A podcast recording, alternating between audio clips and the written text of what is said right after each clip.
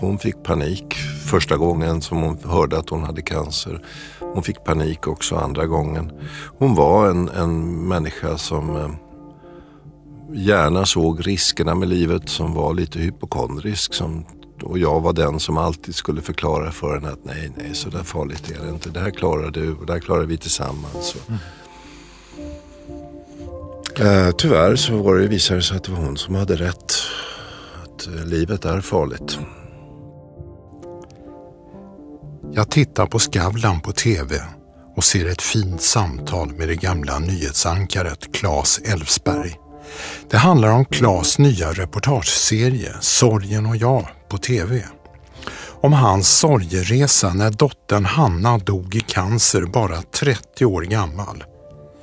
Två dagar tidigare sprang vi på varandra vid ett övergångsställe i centrala Stockholm. Han berättade att han läste min blogg. Och så rann det ur honom att hans äldre syster Iris dött i Alzheimer. Jag frågade om han ville vara med i min podd och samtala om kris, chock, sorg och konsten att komma vidare i livet. Jag heter Henrik Fränkel och jag fick påsken 2019 diagnosen kognitiv svikt och jag vill med den här poddserien göra en upptäcktsfärd in i vår tids kanske mest ökända och stigmatiserade sjukdom. Jag ska träffa människor som kan hjälpa mig att förstå den sjukdom som drabbar 20 000 svenskar varje år, som har funnits i över 100 år och som ingen överlever.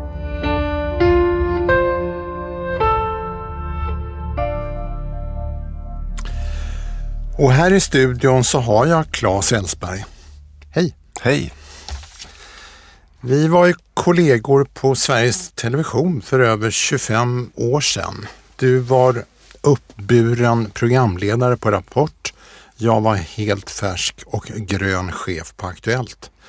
Men så för några veckor sedan så sprang vi på varandra på ett övergångsställe i Stockholm det var egentligen du som sprang på mig. Varför det? Och jag kände igen dig i, i ögonvrån sådär. Du kom med din cykel och jag kände, ja men det är ju Henrik så jag måste hälsa. Så vi, ja, så på den vägen är det. Du berättade att du var på väg till en inspelning med Skavlan, att du hade gjort en tv-serie om sorg med anledning av att din dotter Hanna hade dött bara 30 år gammal. Men också att du hade läst om mig och Alzheimer och att din äldre syster dött just i den sjukdomen. Och vi hann med en hel del där på en och en halv minut vid övergångsstället vid Odenplan. Vad tänker du om det? Jag tänker att vi gamla nyhetsreportrar, gamla murvlar är rätt effektiva på att uttrycka oss på kort tid.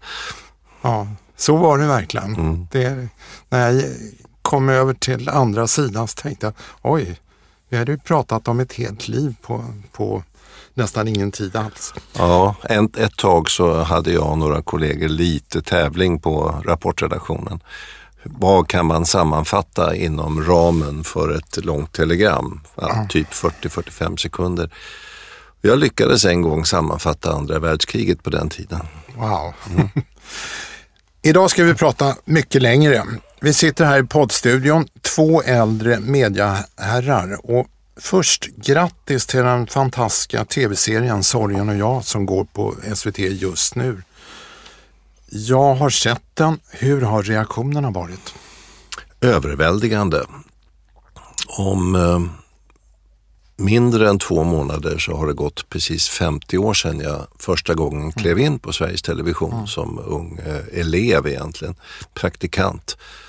Jag har hunnit med att göra en hel del på Sveriges Television men jag har aldrig tidigare varit ens i närheten av den anstormning av reaktioner och brev och mejl och sms och sånt. Det, det formligen väller in. Varför det då? Därför att det uppenbarligen fanns ett så stort behov hos människor att få prata om det här med mm. sorg. Det är så många som går och bär på en stor sorg och det är ju inte förvånande. Mm. Lever man bara tillräckligt länge så kommer man att drabbas av sorg. Det är alltid någon närstående som dör. Eller man förlorar ett jobb eller ett älskat husdjur går bort eller vad det nu är. Sorg kan man ju känna inför så många förluster. Och det är många som hör av sig. Nu äntligen fick de en chans att prata om det där som sörjande människor allra helst vill prata om. Men vad gör du med alla reaktioner? Du är ju bara Klas. Ja, jag är verkligen ingen expert. Jag är ingen terapeut. Jag kan inte hjälpa dem i deras sorgarbete mm. mer än att säga att jag förstår att du lider och jag mm. hoppas att du har någon att prata med. Ehm, och det är ungefär vad jag svarar. Mm. Serien utgår ifrån att din dotter Hanna dog för två år sedan, bara 30 år gammal. Berätta om Hanna, ge en bild av henne. Hon var en... Eh, jag får börja andra änden egentligen. Hon, hon var musiker, mm. älskade att stå på scenen. Mm. Alltså hon spelade flöjt och hon, spelade, hon sjöng konstmusik, alltså det som vi brukar kalla för opera. Det, det, var, liksom, det var hennes värld. Hon var en mm. riktig teaterapa. Hon tyckte verkligen om att umgås med andra människor, att, att leka och skoja och stimma. Eh, och få allt ljus på sig. Och så var hon samtidigt, eh, eller hade samtidigt ett ganska häftigt humör så hon kunde bli rejält arg också. Hon och jag grälade ofta och hon gick ut och smällde igen dörren. Och så kom hon tillbaka efter en stund och så fortsatte vi grälet lite grann. Ofta blev vi sams igen men det, var, det, det gick eh, ganska vilt till eh, känslomässigt, upp och ner. Sen till bilden av Hanna hör att eh, hennes mamma och jag skilde oss när Hanna precis eh, skulle fylla sju år. Så att eh, ända sedan hon var i sjuårsåldern, sedan hon började i skolan så har hon bott långt ifrån mig och det har varit en vad ska jag säga, en vardagskamp för mig eh, att upprätthålla kontakten. Mm. Hon bodde i 50 mil och som allra minst 40 mil ifrån mig. Mm. Och då ska man eh, ordna med tågresor och flygresor och dyrt blir det också. Så att eh, tack och lov så att jag tjänade hyggligt med pengar på mitt jobb. Och merparten av de där pengarna gick till att ordna såna här saker.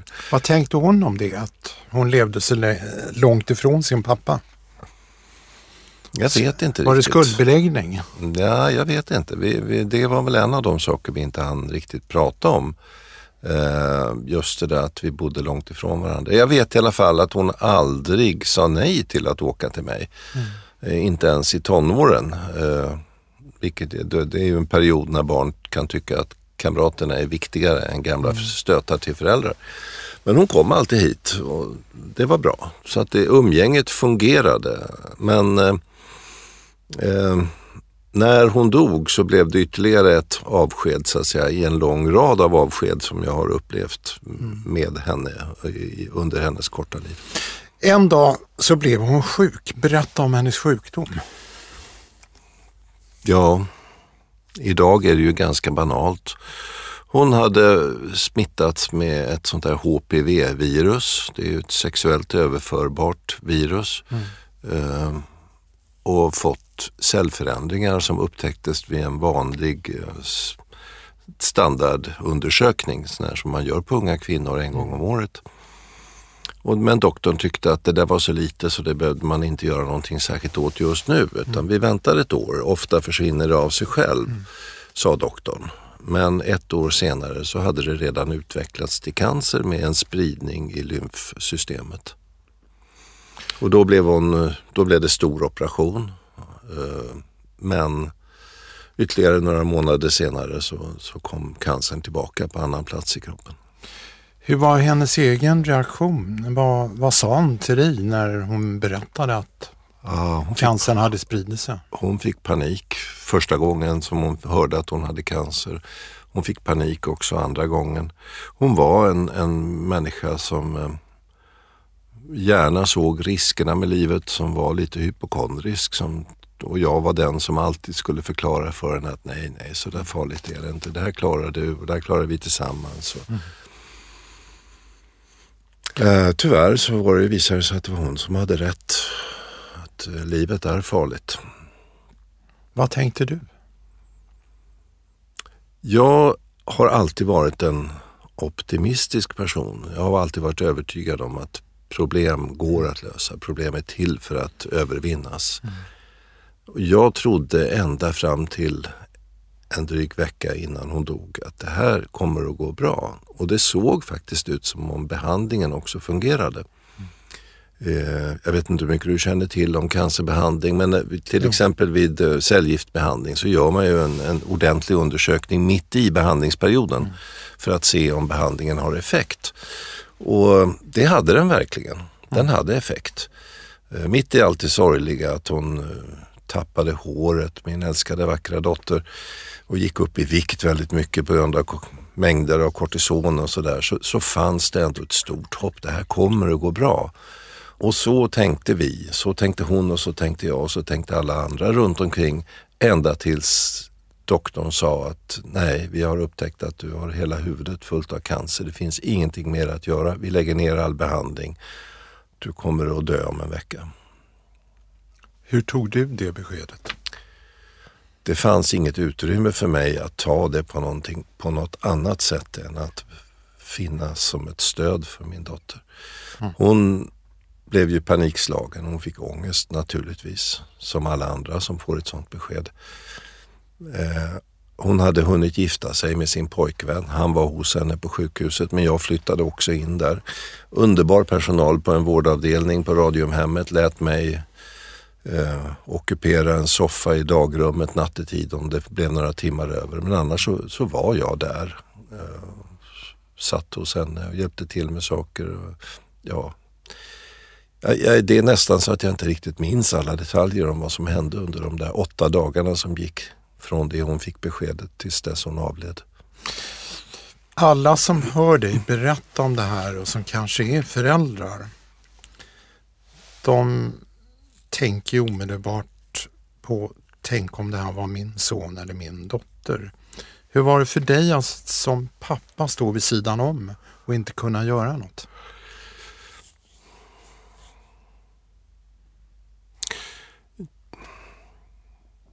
Det var ju förskräckligt naturligtvis. Men Hannas sjukdomsperiod handlar ju i första hand inte om mig. Det var hon som var sjuk, det var hon som mådde dåligt. Eh, som for illa. Och det var på slutet hon som hade fruktansvärda smärtor och, och väldigt mycket ångest. Eh, min, mitt stora besvär börjar egentligen efter hennes död. Med sorgen. Men just då fick jag ändå vara den som försökte hålla humöret uppe. Eh, som försökte intala henne att jo men det ska gå bra och sådär. Eh, jag, hade, jag hade nog en ganska viktig uppgift då att, att vara någon som stöttade henne. Eh, och jag hann inte med att vara så förtvivlad eller tänka särskilt mycket på mig själv. Mm. Det kom som jag sa efteråt. Men pratade ni om döden? Ja, det gjorde vi. Hon frågade många gånger, kommer jag att dö av det här? Och jag svarade att det är, alla ska vi dö, men jag tror inte att du kommer att dö nu av det här. Jag hade fel. Eh, jag hade verkligen fel. Men vi pratade om det. Men vi pratade inte så mycket månaderna före om döden som ett abstrakt begrepp eller som en, en religiös fråga, om det finns någonting efter döden och så. Det gjorde vi inte. Men under de här sista dagarna som hon var kontaktbar mm. innan medicinerna gjorde att hon försvann bort eh, så pratade vi om detta. Jag frågade henne om hon eh, var religiös, om hon hade blivit mer mm. andlig under sjukdomstiden. Eh, och svaret var nej, det var snarare tvärtom. Vad betyder det? Det betyder att hon inte trodde att hon var på väg till något himmelrike. Mm. Hade det varit skönt för dig om hon hade känt så? Nej, jag hade nog blivit lite besviken. Eh, jag är själv inte troende. Jag, är, okay. jag brukar beskriva mig själv som en kämpande ateist. Jag tror inte på några övernaturliga ting. Mm. Hur var hennes sista tid? Förskräcklig. Mm. Mycket, mycket smärtor och mycket mm. ångest. Du säger att eh, det var ju hennes kamp och du hade inte tid att känna efter själv. Men jag tänker att som förälder så har man ju den där instinkten. Jag ska skydda mitt barn, jag ska rädda mitt barn. Ja, ja När, hon, när Hanna fick beskedet av sin doktor, den behandlande läkaren, att mm. nu avbryter vi all behandling, så började jag som förälder och som gammal journalist att, att uh, ringa runt, prata med vänner och bekanta. Finns det inte någon supermedicin? Finns det inga piller som löser allting? Mm. Och jag hamnade så småningom i telefonsamtal med en svensk uh, professor på Karolinska som hade en uh, i teorin fungerande behandlingsmetod som, som stämmer rätt väl överens med sånt som andra har fått Nobelpriset för. Att, att få kroppen att, uh, att bemästra eller motverka, bekämpa cancern på egen hand. Att skapa så kallade T-celler. Mm. Uh, nu bygger den teorin på att man uh, sprutar in sånt här vaccin som mm. finns mot HPV-virus flera gånger inom loppet av ett, någon månad på samma ställe i kroppen så att kroppen verkligen skapar sådana här T-celler. Och det fanns det inte tid för, för Hanna. Eh, det, det fanns verkligen ingenting att göra. Mm. Däremot så har jag blivit eh, god vän med en, framförallt en ung kvinna som, som egentligen var Hannas kompis från sjukhuset. Mm. Som också hade cancer, gynekologisk cancer av i princip samma typ som Hanna. Och jag har berättat det här för henne så hon har använt sig av den metoden. Hon har gått igenom väldigt mycket besvärliga behandlingar. Mm. Malin heter hon, en fantastisk kvinna. Jag brukar säga till henne att hon är min hjälte och jag menar verkligen det. Hon har haft en oerhört tuff period under mer än tre år med sin sjukdom och eh, fått genomgå väldigt mycket. Men hon lever och hon är tillbaka på jobbet till 100 procent och hon siktar framåt. Har skaffat ny lägenhet med sin pojkvän och sådär. Men hon har också prövat den här metoden med det här Gardasil som det här vaccinet heter. Mm. Uh, och förhoppningsvis så kommer det att hjälpa henne att hålla sig frisk även fortsättningsvis. Mm. Du berättade att din, din egen sorg började uh, först efter det att han hade gått bort. Och jag tror att du, du berättar i tv-serien att du fick oresonliga aggressionsutbrott och gråtattacker som du aldrig haft tidigare. Vad, berätta mer konkret, vad var det som hände med dig? Ja, efter att han hade dött så tycker jag att jag grät hela tiden. Ehm, den närmaste perioden. Mm. Men det, det, här med, med att jag blev så oresonligt arg, det dök upp i mitt fall långt senare. Mm. Alltså kanske tre kvarts eller ett helt år efteråt. Så var jag inne i en period där jag, jag kände att jag var arg på allt och alla. I ett, ett ganska normalt och fredligt samtal där man byter åsikter. Man kanske tycker lite olika men jag kunde bli jag kunde säga mycket skarpare saker till människor som jag egentligen högaktar och uppskattar. Mm. Säga skarpare saker än vad som var nödvändigt och saker som jag i efterhand ångrar. Och jag, kan inte, jag känner inte igen mig själv, jag kan inte skylla på någonting annat än att jag var inne i en arg period. Mm.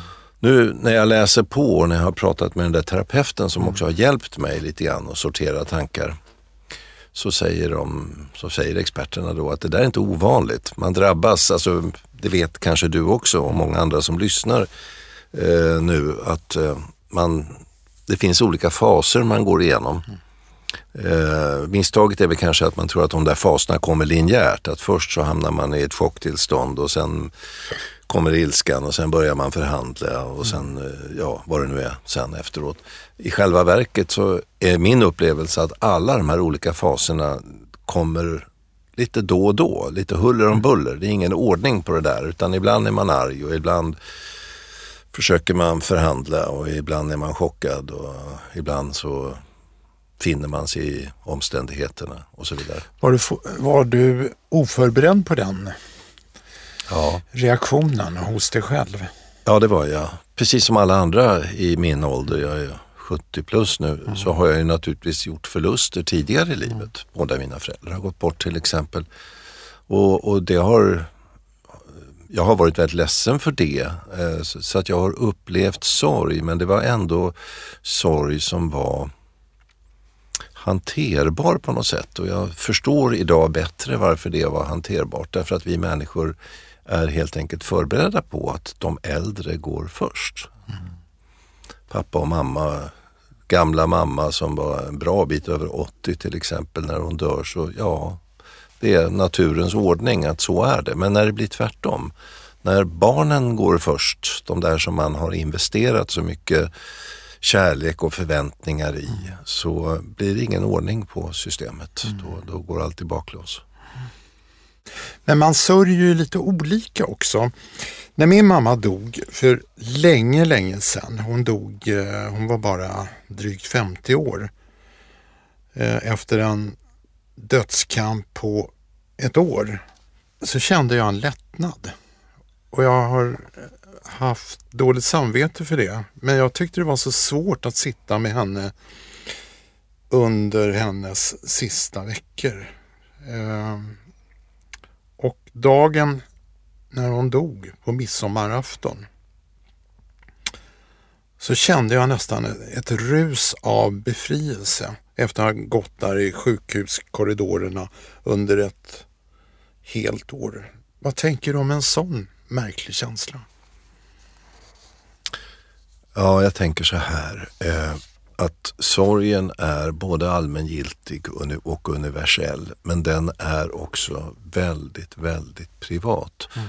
Det var anledningen till att vi som gjorde den här programserien då kallade programmet för Sorgen och jag. Mm. Det betyder inte att den enbart hamnar, handlar om Klas sorg, mm. utan att sorgen verkligen är ett, ett jag. Det finns ett jag där hela tiden, hur jag upplever det. Sorgen är väldigt privat och det beror ju på omständigheterna eh, kring döden. Alltså mm. om det är en älskad person, din mamma till exempel, omständigheterna som gjorde att hon dog. Mm.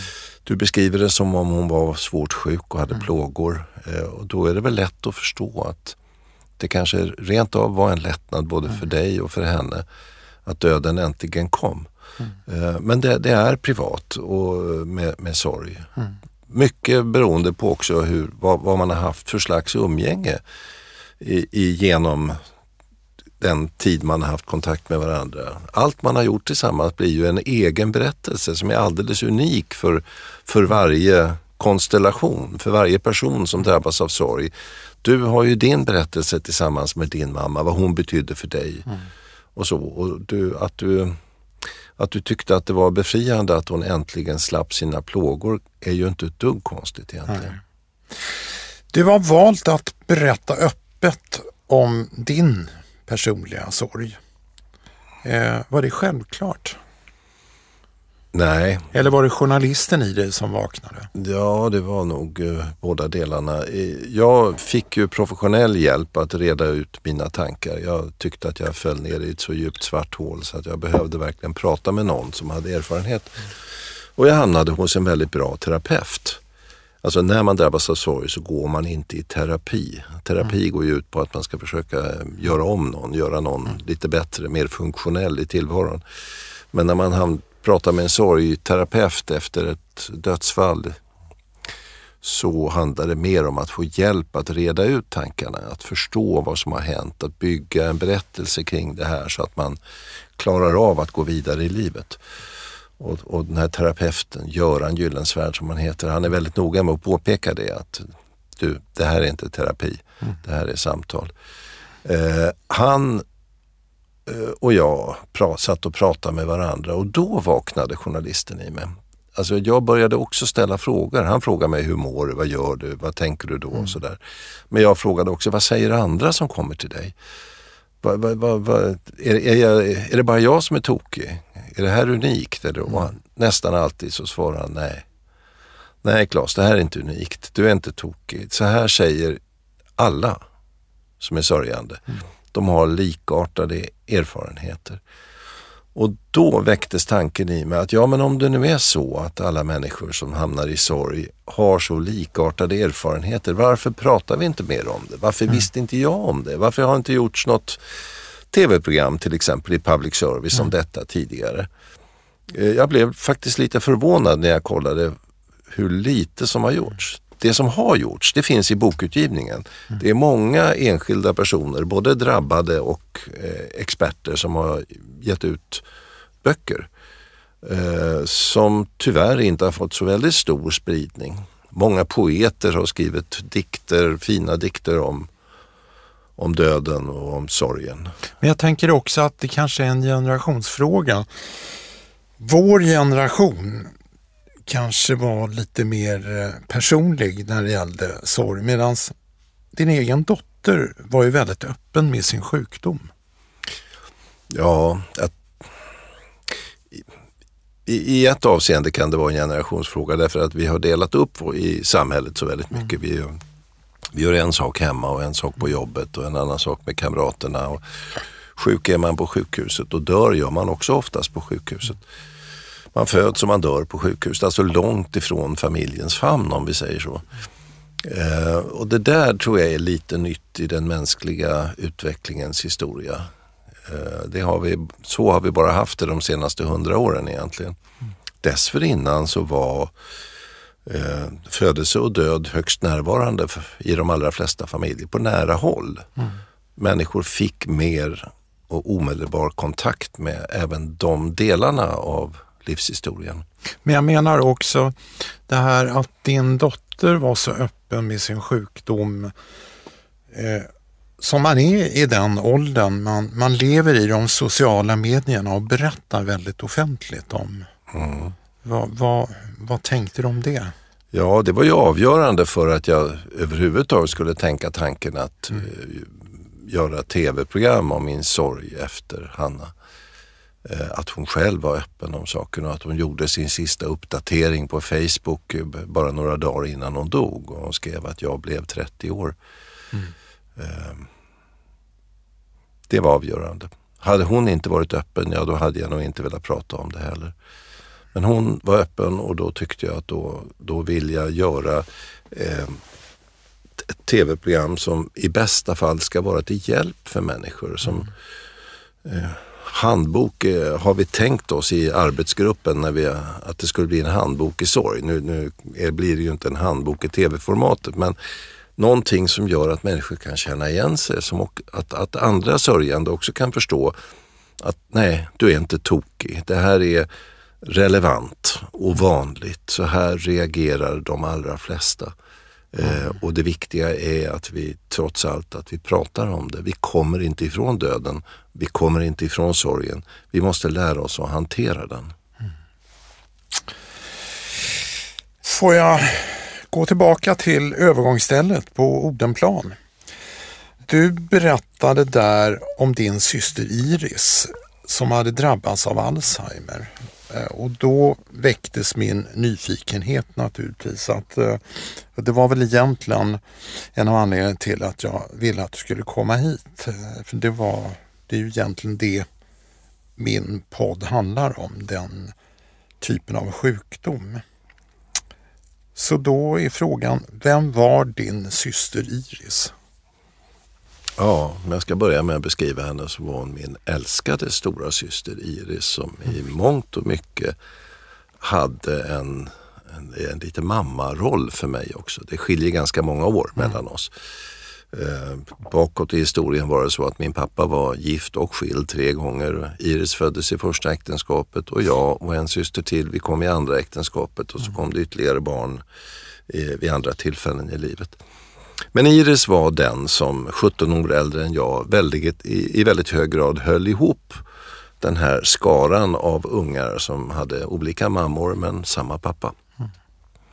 Hon tog hem mig och, och min andra syster till sig i sin bostad.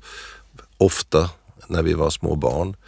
När vi var tonåringar så var hon den som lärde oss om livets allvar, som tog med oss ut på restaurang, som tog med oss ner till Italien som lät mig pröva på att eh, få jobba lite grann som eh, reseledare, för det var hennes yrke, att vara guide och reseledare eh, och sådana saker.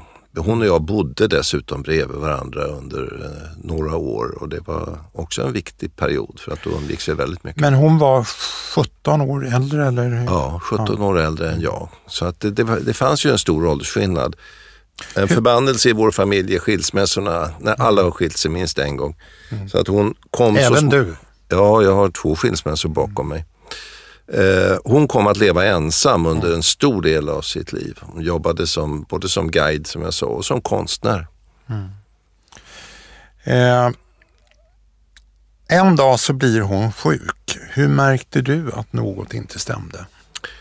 Egentligen hade jag märkt det långt tidigare fast jag förstod inte vad det var. Mm. Vi i Iris omgivning, jag och min fru och andra syskon och grannar och så märkte ju att det var otaliga saker som inte fungerade i Iris tillvaro. Mm. Mobiltelefonen var det alltid något fel på. Bilen gick sönder på det mest konstiga sätt. Och doktorn förstod aldrig vad hon menade och gjorde mm. fel i behandlingen av henne när hon var hos doktorn och såna saker. I efterhand har vi förstått att det där var ju i själva verket begynnelsen på den svåra Alzheimers sjukdomen. Men eh, det var vid ett tillfälle som eh, hon, hon hade haft en liten stroke och fick då inte längre köra bil. Men hon ville köra bil så hon gick tillbaka till doktorn och sa att Nej, men nu måste det ha gått så pass lång tid. Det är ju ett år sedan jag hade den där stroken. Nu vill jag göra ett nytt test. Och jag är säker på att jag kommer att klara av det så att jag kan få tillbaka körkortet. Och då gjorde de en ny test på henne och konstaterade att nej tyvärr, det är inte bara den där stroken. Det är också så att du har betydande förändringar i, i din kapacitet i hjärnan. Hon hade alltså äh, kommit en bra bit in i sin Alzheimer redan. Vad visste du om sjukdomen då? Ja, som nyhetsreporter på ett av de större nyhetsprogrammen i Sveriges Television så, så, har man ju en viss uppfattning för det är ju något man talar om ganska mm. mycket. Att Alzheimers var en, en sjukdom som ökade väldigt mycket i Sverige till mm. exempel. Och jag visste ungefär hur slutet brukar se ut för de människor som får Alzheimers. Vänner, bekanta, arbetskamrater hade föräldrar som hade drabbats mm. av det. Och jag hade hört deras berättelser. Så jag visste en del. Mm.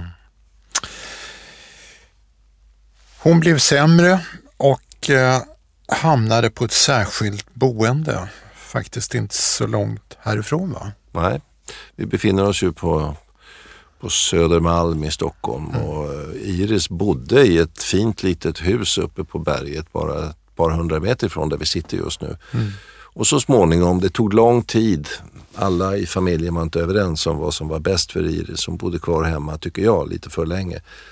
Men så småningom så hamnade hon på ett, eh, på ett fint eh, demensboende med personal som var speciellt inriktad på att ta hand om människor med mm. demenssjukdomar.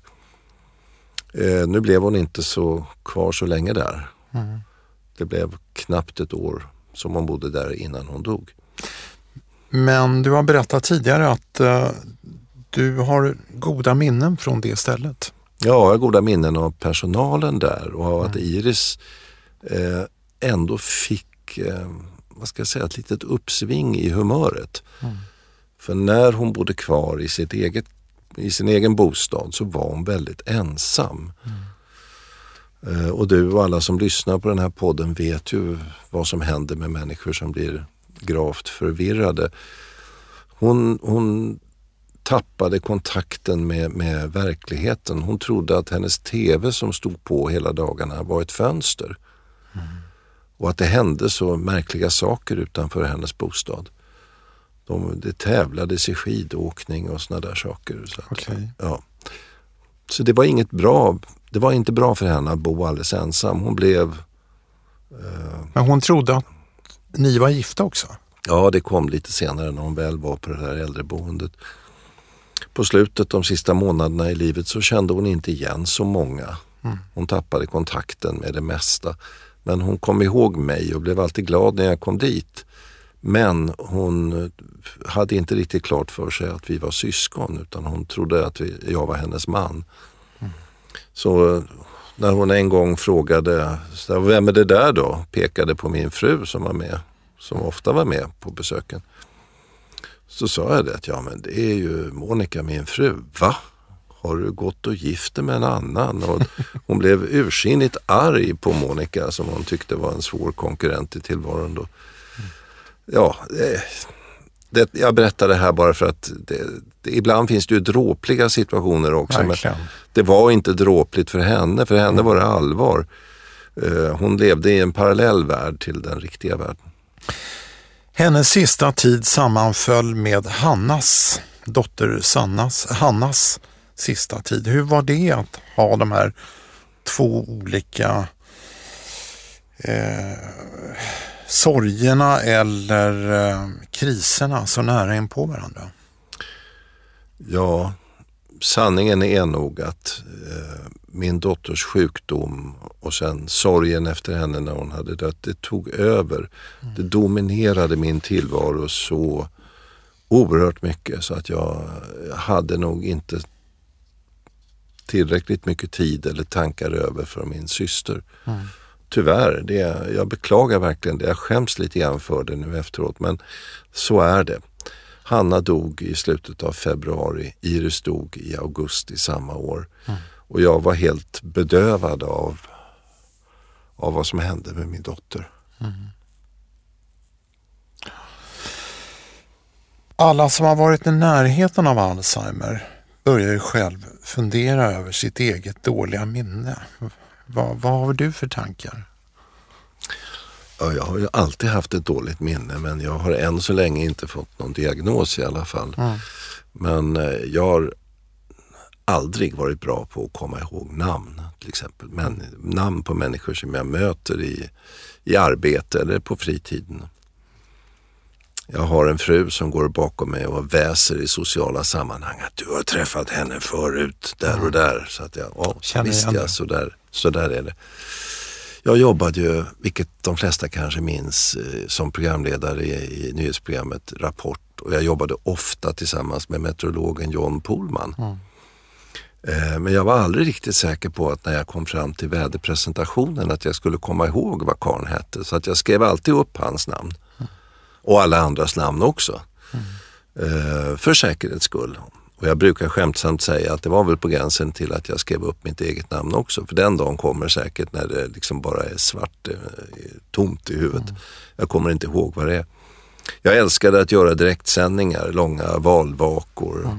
Till exempel i samband med amerikanska presidentval när man sitter i direktsändning i tio timmar och sådär. Och man har inte så mycket manus, mm. alltså man har inte färdigskrivet vad man ska mm. säga. Men det enda som jag alltid var noga med det var att det var att ha listor med alla personers namn på så att jag mm. åtminstone kunde bläddra fram till det. Uh, oftast så behövdes inte de där listorna. Men mm. jag var alltid lite orolig för att jag skulle missa något namn. Men jag har aldrig uppfattat det som, i mitt eget fall, som... Uh, som början på en sjukdom? Nej. nej. Eftersom jag har, det har varit så här sedan jag var ung. Så tänkte jag, jag har åtminstone, jag, det har varken blivit sämre eller bättre. Och det behöver ju inte vara början på en sjukdom heller. Eh, vi ska börja så sakteliga eh, runda av men det är, det är en sak som du säger i dokumentären som sitter kvar hos mig och det är Sorgen är ett bevis, är ett mått på djupet av den kärlek man känt. Och det är ju en väldigt fin tanke. Vad betyder de orden för dig? Ja, jag har till och med läst någonstans en klok människa som har uttryckt det ännu kortare och ännu mer poetiskt. Att sorg är priset för kärlek. Mm. Det betyder att eh, ju mer vi knyter an till någon eller något, desto svårare blir förlusten. Mm. Vår förlustreaktion blir starkare ju mer vi har älskat. Mm. Uh, det finns naturligtvis de som inte behöver uppleva stor sorg, svår sorg. Mm. Men det beror i så fall på att de inte har knutit an särskilt mycket till någonting. Och jag vill betona att sorg kan man ju naturligtvis känna när en älskad medmänniska går bort. Mm. Men det kan också handla om så lite banala saker som ett arbete eller ett husdjur eller så. Och det, det blir också en sorg som man måste ta på allvar. Mm. Men om man tänker så, då blir ju sorg också något väldigt fint. Det, det blir ett kvitto.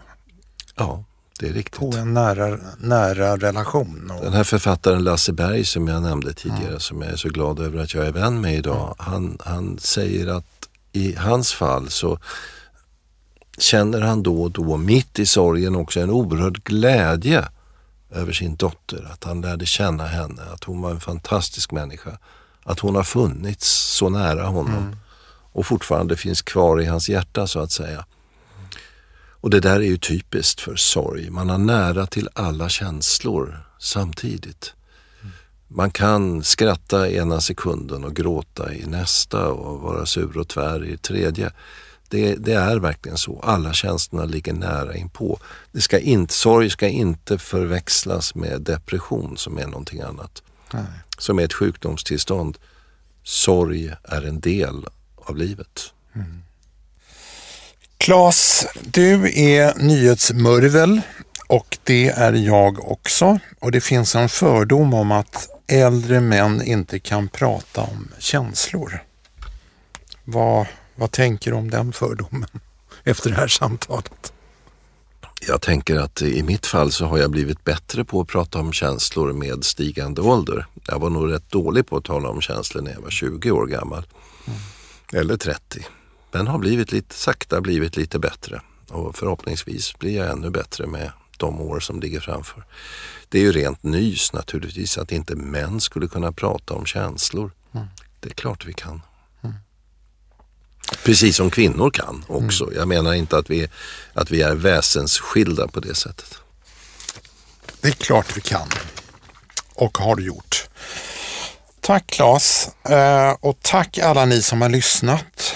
Eh, och vill ni ha ett mejl när nästa podd kommer så anmäl er på poddspelare som Podcaster, Spotify eller varför inte gå in på min hemsida och anmäl er för de löpande nyhetsbreven. Tack! Bloggen och podcasten Hjälp har jag Alzheimer har också en insamling till förmån för kognitiva sjukdomar. Ni kan hitta den på alzheimerfonden.se. Podden Hjälp har jag Alzheimer produceras av stiftelsen Alzheimer Life och görs på Beppo. Beppo.